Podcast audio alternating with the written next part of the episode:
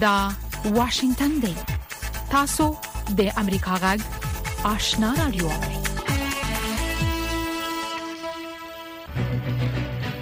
قدرمن اوریدونکو السلام علیکم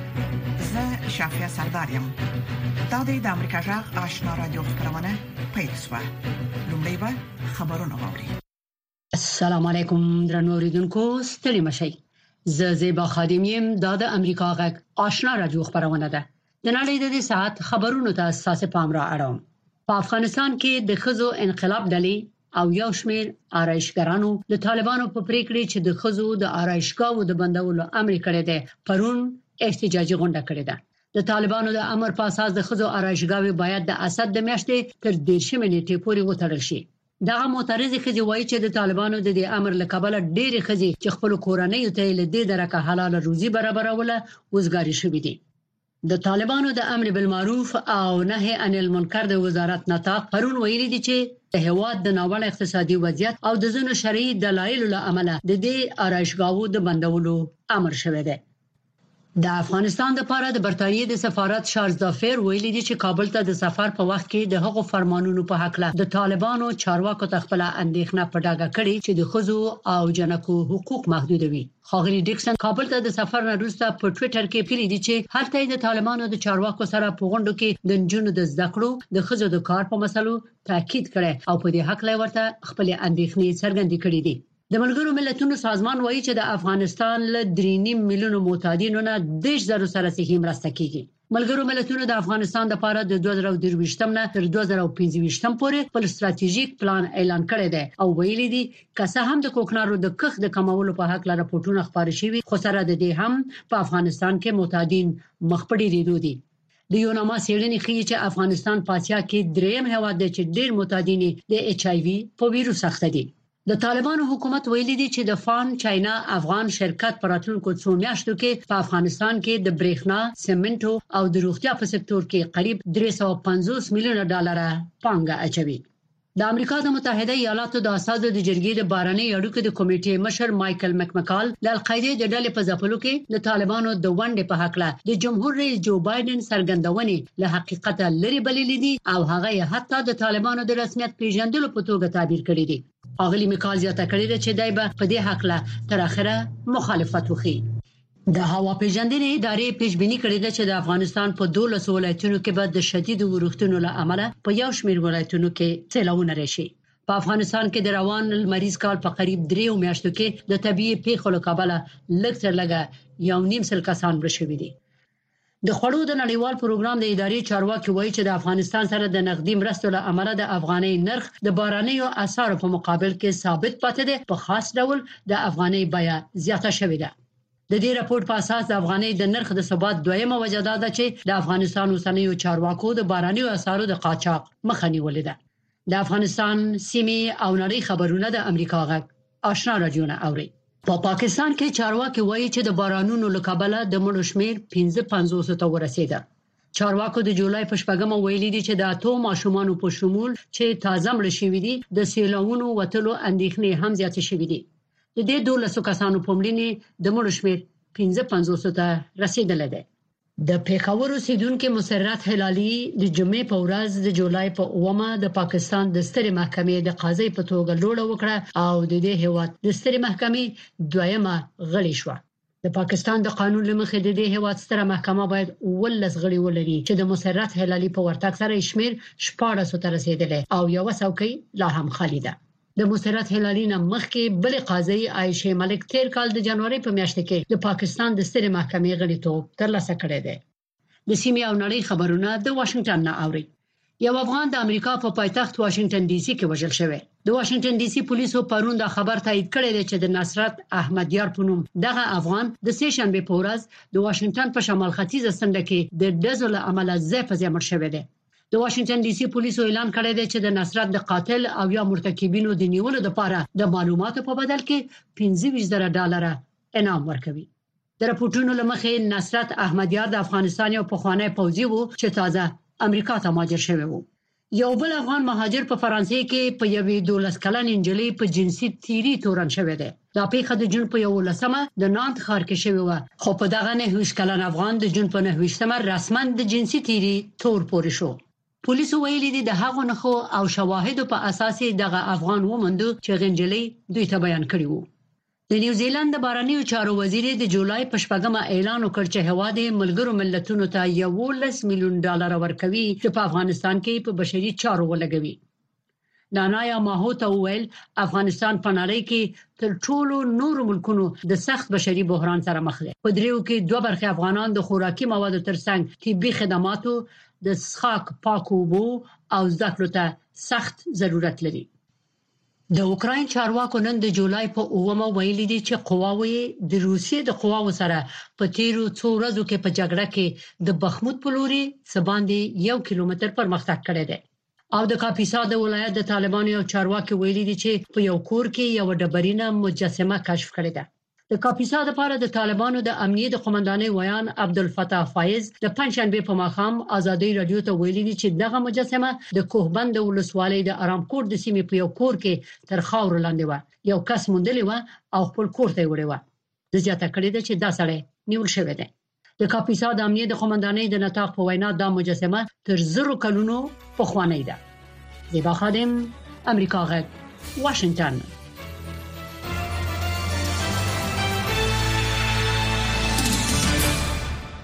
خبرونه مو د امریکا جغ آشنا رادیو څخه واوریدل قدرمنو اوریدونکو په دې سهارنۍ پښتو خبرونه کې د افغانستان سیمه او نړۍ د اوسنیو حالاتو په اړه کې مهم مطالب او د امریکا جغ سرمقاله لرو هله د خبرونه تر پای ووري لومړی براسو دې راپور ته ملګرو ملتونو په تیر 2022م کال کې په نړۍ او افغانستان کې په وسلوالو نشټو کې د ماشومانو د شکلتیا او د حقوقو د حقونو څخه د سرغړونو خبر ورکړی او په دې اړه یې جدي اندېښنه ښودلې ده. ملګري ملتونه وایي چې په افغانستان کې د ماشومانو د حقونو په وړاندې شاوخوا 1300 سرغړونې ثبت کړې دي. په نړیواله کچه د وسلوالو شخړو په جریان کې له 3000 زیات ماشومان زیانمن شوي دي. نور حال پر راپورټ کې ووري ملګرو ملتونو په نوي راپور کې په نړۍ کې د ماشومان د ناسم وضعیت په اړه خبرداري ورکړې ده د ملګرو ملتونو عمومي منشي د افغانستان په اړه په دې راپور کې ویلي چې ملګرو ملتونو د 980 تنو ماشومان چې 283 هلکان او 180 نجونې او 14 قرباني شو ماشومان د حقوقو په وړاندې سختي سرغړونې تایید کړې دي د دې سربېره ملګرو ملتونو په 2022م کال کې د طالبان لخوا د 394 هلکانو د ګمارلو او ورڅخه د استفادې په اړه سرغړونې چې په تیرو کلونو کې تر سره شوې وي په 2022م کال کې هم تایید کړې دي د دې راپور پر بنسټ طالبانو په 2022م کال کې په مجموعي ډول نه شپته هلکان د ملي مقاومت جبهې سره د اړیکو په لرلو نیولي چې د دغه ډلې 29 تنه خوشي شوي او دوه تنه نیول شوی ماشومان په توقيف ځایونو کې ژوند لاس ور کړی دی د راپور خای چې د 18 ماشومان څخه چې ورڅخه استفاده شوی 15 مقاومت په ملي جبهه کې او د یو تن ماشوم څخه د نامعلومو عاملانو لخوا په جګړه کې د کار اخیستل تایید شوی دی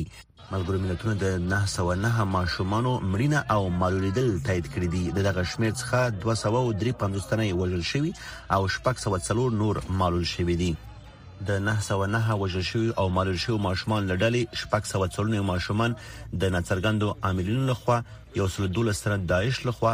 اته نوي تنه طالبان لخوا او 15 تنه د پاکستان لخوا ډیورن کرخته چیرمه د درنو وسلو په ډزو کې زیان ورته رسیدلې ده د ملګرو ملتونو عمومي منشي ویلي چې په دې ډله کې شپږ ویش ماشومان په هدفي بریدونو کې وژل شوي دي د طالبانو په ګډون په افغانستان کې ښکیل غاړو د ملګرو ملتونو د راپور ته لا تر اوسه خبرګون نه دی خودلې reflect on all of this تیر کال د 2018 سرغړونو د جدي پیښو لړډلې 18890 د ملګرو ملتونو لخوا تایید شوې دي چې پکې دوه زره او اته سوه او اتیا د تاوتریخوالي قضیې ګڼل شوي دي. اته زره او شپږ سوه او دېرش ماشومان یا وژل شوي یا معیوب دي. اووه زره او شپږ سوه او دوه ویشت ماشومان استخدام شوي دي. درې زره او نهه سوه او پنځه اتیا ماشومان تښتول شوي دي. ملګري ملتونه وايي دا پېښې خورا د اندېښنې وړ دي. موږ باید دا ماشومان هېر نه کړو. د سرغړونې د هرې تایید شوې پېښې تر شا د یو ماشوم ژوند نغښتی دی. تېر کال اته زره او اته سوه او نوي ماشومان زیانمن شوي دي او د هغوی کیسې همداسې پټې پاتې دي. د بېلګې په توګه، په سویلي سودان کې د پنځو ورځو په ترهګریزو نښتو کې په درېیو نجونو د ډله ییز جنسي تیري قضیه په افغانستان کې یو ښوونځي کې په ناچاودیدونکو توکو باندې د هلکانو وژل کېدل د ملګرو ملتونو وجهي صندوق یا یونیسف هم د ماشومان د ناسم وضعیت په اړه اندېښنه خودلې ده یونیسف په جدي توګه د ماشومانو د ناسم وضعیت په اړه اندېښمن دی د 2022 کال په راپور کې د هیتی نایجر، ایتوپیا، موزمبیق او اوکراین هیوادونه هم شامل سوي دي. د ملګرو ملتونو عمومي منشي انټوني ګوتيرش په دغه راپور کې ویلي چې دغه ادارې تیر 2022م کال کې په افغانستان کې د ماشومانو په وړاندې د جنسي تیري 14 پیښې چې یوولس انجونې او دوه یې هلکانو هم ثبت کړي دي. متضاد اړخونه، بېلابېل دریځونه، د سپیناوي تود مخامخ بحث او په اخر کې قضاوت ستاسو. پر مهمو سیاسي، امنیتي، اقتصادي او ټولنیزو مسایلو،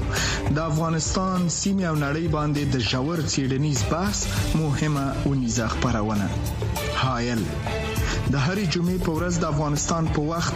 د ماخام ونیمونه تر اته بجو پورې د امریکا غږ د سټلایټ لارې په ژوندۍ بڼه هایل د امریکا غږ د روانو چارو نوي ټلویزیونی خبرونه قدرمنو اوریدونکو د پاکستان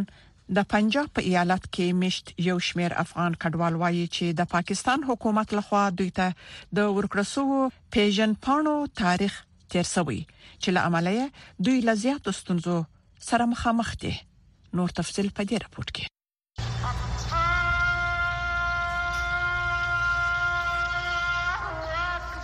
د پاکستان د میا ولۍ ولسوالۍ کې میشت یو شمېر افغان کډوال وایي چې د پاکستان حکومت لخوا دوی ته د ورکړل شویو پیژندپاڼو تاریخ تیر شوی چې له امله دوی له کړاوونو سره لاس او ګریوان دي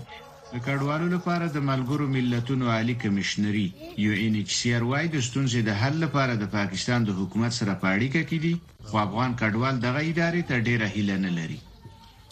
ایمي کیو ار کډینه ختم شوي دي شپږمې میاشتې په دېرشم تاریخ ایمي په زړه کې ډېر ډور دی که چېرته چې په کراچۍ په اسلام اباد کې د نوي مجر نیوای کېږي چې ایمي کډینه یې سپېر شوه مي خو چې ویس چېرې څي په هر ځوی کې مي ځورولای کېږي په هوټل کې کمره نه پر کولای کېږي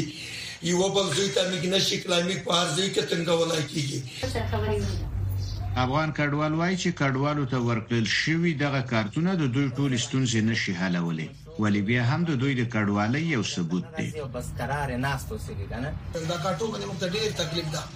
زنانه را سره وی مثال خبر د ایمرجنسي وی چې ورشي مثال موږ خپل وسره هغه نه راکې بیا پاکستان او تر وغوړو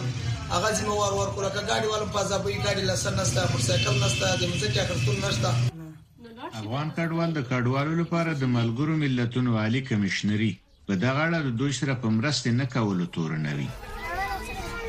د کډې په باره کې چې په درشم تاریخ کېم ختم شوې دي، د ان ایچ ار سره د شرف دفتر سره مې اړیکې ونیوې، دی مېږ ته هیڅ ځواب نه درکړی چې دا د ته جوړېږي یا نه د ته جوړېږي، باید مېږ ته ځواب ورکړلای شې چې توسو ته په د پلونکي تاریخ یا په پلونکۍ ورځ توسو ته جوړېږي. خو په پاکستان کې د ملګرو ملتونو د کډوالو د ادارې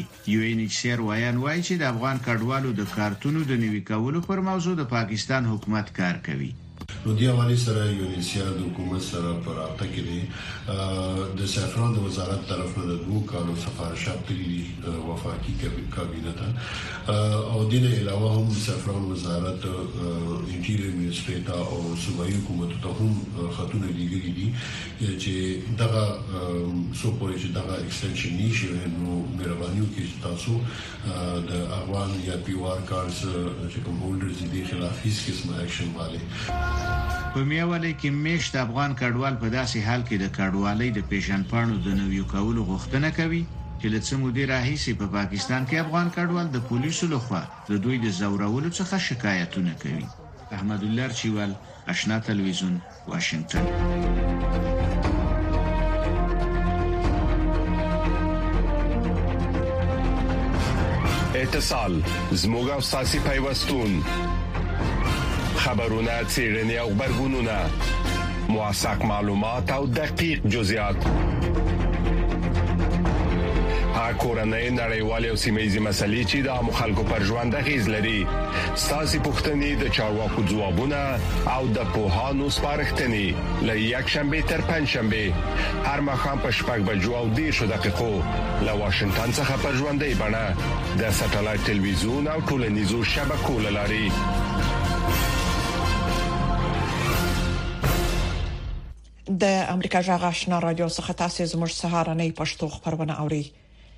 د اسرایل حکومت په لویدیځ غاړه کې د ناقلو يهودو د آبادولو په خاطر په بې کنټرول توګه د کورونو په جوړولو پیل کړی نړیوال ټولنې پر اسرایل غږ وکړ چې د دغو پروژو د کار لپیل کولو څخه صرف نظر سي د بیت المقدس څخه د امریکا غږ د خبريالې لیندا ګراستین د رالیجل رپورت خلاصه از مر همکار سید سلیمان شاه تاسو ته در اوروي. د ګیوات هارل کوچنۍ غیر قانوني ابادي چې په لویدیځه غاړه کې د ایلیا په نوم یوې غټې ابادۍ په اطرافو کې ناقلو یهودو په غیر قانوني توګه جوړه کړې، تېره میاشت په کې د یوه فلسطیني ټوپکوالا په مرګاني برید کې د څلورو اسراییلیانو له وژل کېدو وروسته د اسراییلو حکومت یې په ځواب کې اعلان وکړ چې د دغه ابادۍ په شمول شاوخوا پرتې ټولې غیر قانوني ابادۍ به قانوني کړي او په لویدیځه غاړه کې چې یهودیان یې د جودیا او سماریا په نوم یادوي، د ناقلو یهودو لپاره په زرګونو نوي کورونه جوړ کړي. د بنیامین سیمه ییز ګورنر اسرایل ګانس په دې اړه امریکا غږ ته وویل، په جوديا او سمريا کې نن سبا نیم میلیون یهود ژوند کوي. موږ به پوره زیار وباسو چې په راتلونکو لسو کلونو کې شمیره دوه چنده لوړه کړو. کله چې موږ وایو دلته په بنیامین کې به په دې سخت کار کوو، نو هدف مو د یوه داسې یوه ښار د جوړولو لپاره پلان ګذاري ده چې له شل زرو نه زیات اپارتمانونه به پکې وي. شپږ میاشتې مخکې په اسرایلو کې د یوه سخت دریځه ائتلافي حکومت له جوړیدو وروسته، حکومت په لویدیځه غاړه کې د نوو ابادیو د پراخه کولو لپاره غټ پلانونه اعلان کړي دي. دا ابادیګانې پر هغه ځمکه جوړیږي چې نږدې درې میلیونه فلسطینیان په کې ژوند کوي او د خپل راتلونکي ازاد دولت برخه یې ګڼي. د اسراییلو د هارتز ورځپاڼې د یوه تازه رپوټ سره سم د اوسني سخت دریځه ښیلاسي ایتلافي حکومت د مالیې وزیر بیزالیل سموریچ، چې د اسراییلو د دفاع د وزارت په چوکاټ کې په لویدیځه غاړه کې د ناقلو یهودو لپاره د کورونو د جوړولو واک او اختیار لري، هوډ یې کړی چې د کنسټرکشن کارونه به پراخه کړي او هم به په بشپړه توګه د هغو ابادیو د ړنګولو لاره ډب کړي چې په غیر قانوني ډول په اشغالي سیمو کې ناقلینو جوړې کړې دي. همداراز د اسرایلو د ملي امنیت سخت دریځی کلاسې مشاور ایتمر بن ګویر ځوان یهودي ناقلین هڅوي چې د فلسطینیانو د حملو په ځواب کې په هر ځای کې چې وس رسیږي نوې ابادۍ دې جوړې کړي. بن ګویر چې په عبري ژبه یې وینا کوله یهودي ځوانان مخاطب کړل او ویې ویل. We're backing you up, backing you up. Run to the hills, settle. We love you. موږ ستاسو تر شا ولاړ یو. غونډیو ته منډې کړئ او ځانونه پکې اباد کړئ. خو ملګري ملتونه وايي چې په لویدیځه غاړه کې دغه ټولې ابادۍ د هغه بحراني وضعیت د اور لمبو ته د لمنې وهلو په مثال دي چې له مخکې نه لا خراب و. د منځني ختیځ د سولې د پروسې لپاره د ملګرو ملتونو کوارډینیټر ټور وینسلینډ په دې اړه وايي، remained in the trouble by the relentless expansion of Israeli settlements in the occupied West Bank. د ختیځ بیت المقدس په شمول په اشغال شوې لویدیزه غاړه کې د اسرایلي آبادیو د نه درېدونکي او بې رحمه پراختیا له امله د نارامۍ احساس کوم دا کار د تشدد د اور پر لمبو تیل اچوي فلسطینیان نه پریږدي چې خپل ازبکو ته ولاړ شي او یا له خپل طبيعي منابعو نه ګټه پورته کړي د اشغال شوې لویدیځې غاړې جغرافیه بدلوي او د یو راتلونکي فلسطیني دولت پایښت په خطر کې اچوي. یهودي ناقلین وايي چې د دې سیمې پراختیا ته باید په هغه نظر وکتل شي لکه چې د اسراییلو د نورو علاقو پراختیا ته کتل کېږي. د بنیامین د سیمه ییز ګورنر مرستیال رافول انګل په دې اړه امریکا غږ ته وویل،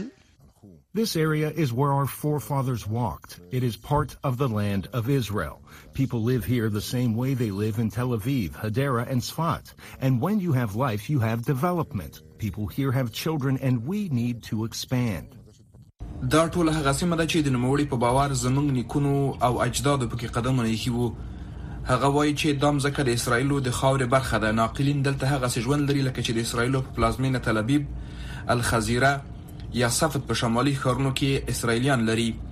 او کله چې ژوند وي نو آبادي هم ورسره راځي موږ ماشومان لرو او پراختیا ته ضرورت لرو. یهودي ناقلین وايي چې د اسرایلو موجوده ائتلافي حکومت د دوی د خواستونو په وړاندې د بل هر حکومت په پرتله زیاته دوستانه پالیسي غوره کړې. او دوی هیله لري چې د سخت دریځه خلاصي حکومت ټولې پالیسي ګانې به بالاخره له لویدیځ غاړې نه د اسرایلو د وتو او د یوه مستقل او ازاد فلسطیني دولت د جوړولو په اړه د مذاکراتو د ختمولو باعث شي. سید سلیمان شاه، د امریکا غږ، واشنګټن. د بدلون پر مهال کله چې د نړۍ وضعیت څرګند نه وي او کله چې اوریدل له عیني واقعیتونو سره سمون نه خوري، موږ په حقیقت پسې ګرځو کله چې موږ ته د یو موضوع یوازې یو اړخ بیانېږي نو باور بایلو د ناورین پر مهال د یوې ښې راتلونکې لپاره زموږ خوبونه تم یو هلي پر آزادو مطبوعاتو تکیه وي د امریکا غږ پر چپو موږ هغه خبرونه خبرو چې خلک یې د لیدلو لپاره غواخونه مني موږ نړۍ سره وسلو او د حقیقت په ویلو یو موټی کوو د امریکا غږ لاري موږ بشپړ انزور درکو او د فراه د ولایت اوسیدونکو د ګزن ناروغي په وړاندې پروانه مبارزه کې کور په کور کمپاین اغیزمن بولي او له دغه بهیر سره د مرستې ډاټ ورکوي د نقیب الله نیکمل پر رپورت کې د فراه ولایت یو شمېر اوسیدونکو وایي د ګزند ضد واکسین ته لاسرسي ځکه عام او اسانه شوی چې ماشومان کور په کور واکسین کیږي یا د اوسیدونکو وایي کاری بوختیا او کمزوري اقتصاد د دې لامل ګرځي چې ډېری کورنۍ و نه توانېږي ترڅو خپل ماشومان په روغتيایي مرکزونو کې پر وخت واکسین کړي د فراه ښار یو تن اوسیدونکو عنایت الله ریګیوال امریکا ژغ ته وویل چې کور په کور واکسین ځکه اغیزمن دی چې ټولي کورنۍ کولای شي په منظم ډول خپل ټول ماشومان واکسین کړي زموږ او ستاسو خلک اکثریت غریبان دي خصوصا نارینه طبقه له کور څخه بهر په کار بوخت دي او د ژوند نور مشکلات هم د دې باعث ګرځي چې د خپل ماشومان د واکسین لپاره کافي فرصت ونه لري او یا هم د واکسین وخت ته متوجه نه وي نو کور په کور واکسین بیا ډیر ښه دی هم خلک خبریږي او هم اسانه دی چې کورنۍ خپل ماشومان واکسین کړي. په ورته مهال د فراه یو شمېر نور اوسېدونکي ډاډ ورکوي چې د واکسین د تطبیق په برخه کې پوره مرسته کوي. وکیل احمد د فراه د پشترود ولسوالۍ اوسېدونکی وايي، له رضاکارانو سره مرسته زموږ یو اساسي مسوولیت دی، تر څو ماشومان مو د تلپاتې معلولیت څخه وژغورل شي. کور په کور واکسین یو ضرورت دی، هم خلک هوسا دي چې خپل ماشومان واکسین کړي او روغتیايي کارکوونکي هم اطمینان پیدا کوي چې ټول ماشومان یې واکسین کړي دي. او موږ هم پوره کوښښ کوو چې ټول ماشومان د واکسین لپاره برابر کړو او دا کار زموږ مسوولیت دی. بل پلو روغتیايي کارپوهان د ګوزڼ په وړاندې مبارزه دوه اړخیزه بولي چې یو اړخ یې د چارواکو مسوولیت دی ترڅو په منظم او سرتاسري ډول ټولو سیمو ته واکسین ورسوي او بل اړخ یې خلک او کورنۍ دي چې په مسوولانه ډول خپل ماشومان واکسین کړي. د ماشومانو د ناروغیو متخصص ډاکټر عبدالغفار رحماني له کورنیو څخه غواړي ترڅو د واکسین د کمپاین په مهال هرو مرو خپل ماشومان واکسین کړي. د ماشومانو د پولیو ناروغي دوه برخې لري، لومړی دا چې روغتیايي چارواکي واکسین برابروي، خلکو ته عامه پوهاوی ورکوي او رضاکاران هر کلي او سیمې ته استوي چې ماشومان واکسین کړي. بل طرف عام خلک خصوصاً کورنۍ باید کوښښ وکړي چې کله رضاکاران د دوی د کورونو تر دروازو پورې ځي، خپل ماشومان راوباسي چې واکسین شي، ځکه چې پولیو ناروغي تداوي نه لري او یوه لاره شته چې هغه دغه واکسین دی. درنو اوریدونکو دا د امریکا غږ سر مقاله ده چې د امریکا د حکومت نظر څرګندوي سمندر ژوند ته ختمي او ضروری دي څه باندې زموږ نیمایي اکسیجن تولیدوي په دې کې مرسته کوي چې خپل اقلیم منظم کړو کاربن ډای اکساید جذبوي او زموږ د ځمکې په کره باندې د ډیر زیات ژوند ملاتړ کوي برسره پر دې د بین المللي اقتصاد یو مهم انجن دی مګر دا اوس په جدي مشکل کې دی نفوس زیات کب نیول د اقلیم بدلون د ساحل د غاړې د جو او نباتاتو د طبي او اصلي زیات لمنځه وړل دا ټول د سمندر سالمتیا ته تاوان رسوي د سمندر د ژغورنې په نظر کې نیولو سره موږ د ځمکې په کره کې ټول ژوند ژغور او ځکه نو د سمندر ژغورل د امریکا د لومړیتوبونو په سر کې راځي د سمندرونو او د بینالمللي چاپیریال او ساينټیفیک چارو لپاره د بهرنیو چارو وزارت د مرستیال سرپرست مرستیال جنیفر لیټل جان وویل هغه کار چې موږ کوو چې سمندرونه وژغورو ډراماتیک مهم دی چې دا به زموږ د کورې راتلونکي تشریح کړي د دې لپاره چې د سمندر دوام ساتل شوی وي امریکا د دې لپاره کار کوي چې د دوامدارې کب نیونې د یقیني کولو ډاډ ورکړي چې سانس باندې ولاړ د کابنیونې د ادارې سره برابر وي او د دې معنی د غیر قانوني نا راپورټ ورکول او په غیر مقرراتو باندې ولاړ د کابنیونه پاتې ورسوي یا آی یو یو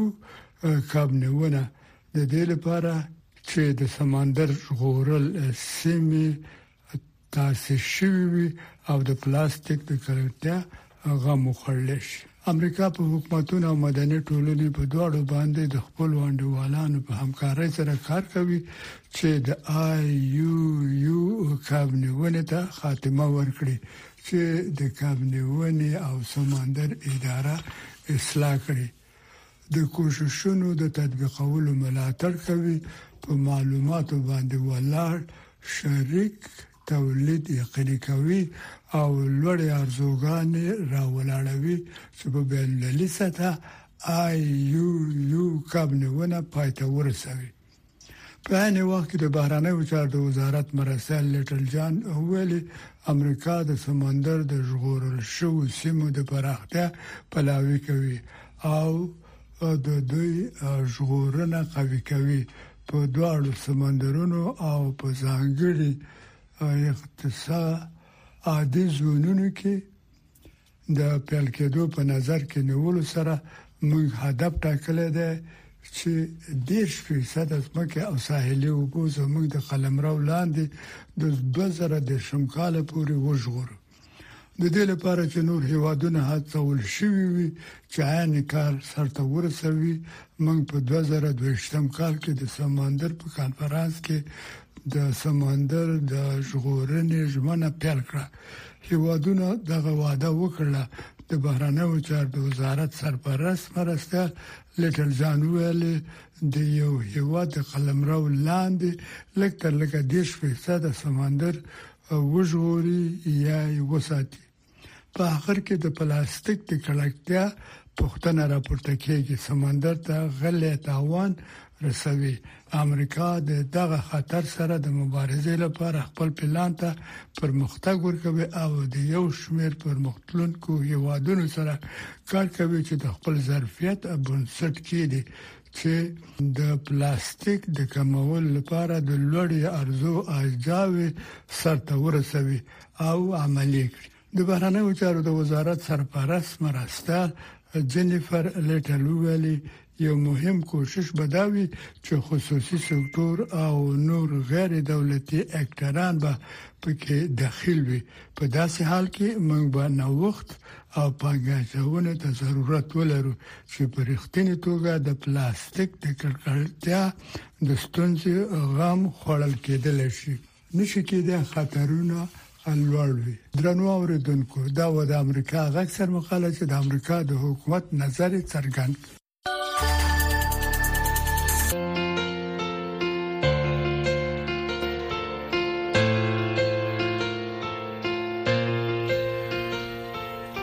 درنوریدونکو زموږ د خبرونه په همدې ځای پای ته ورسیده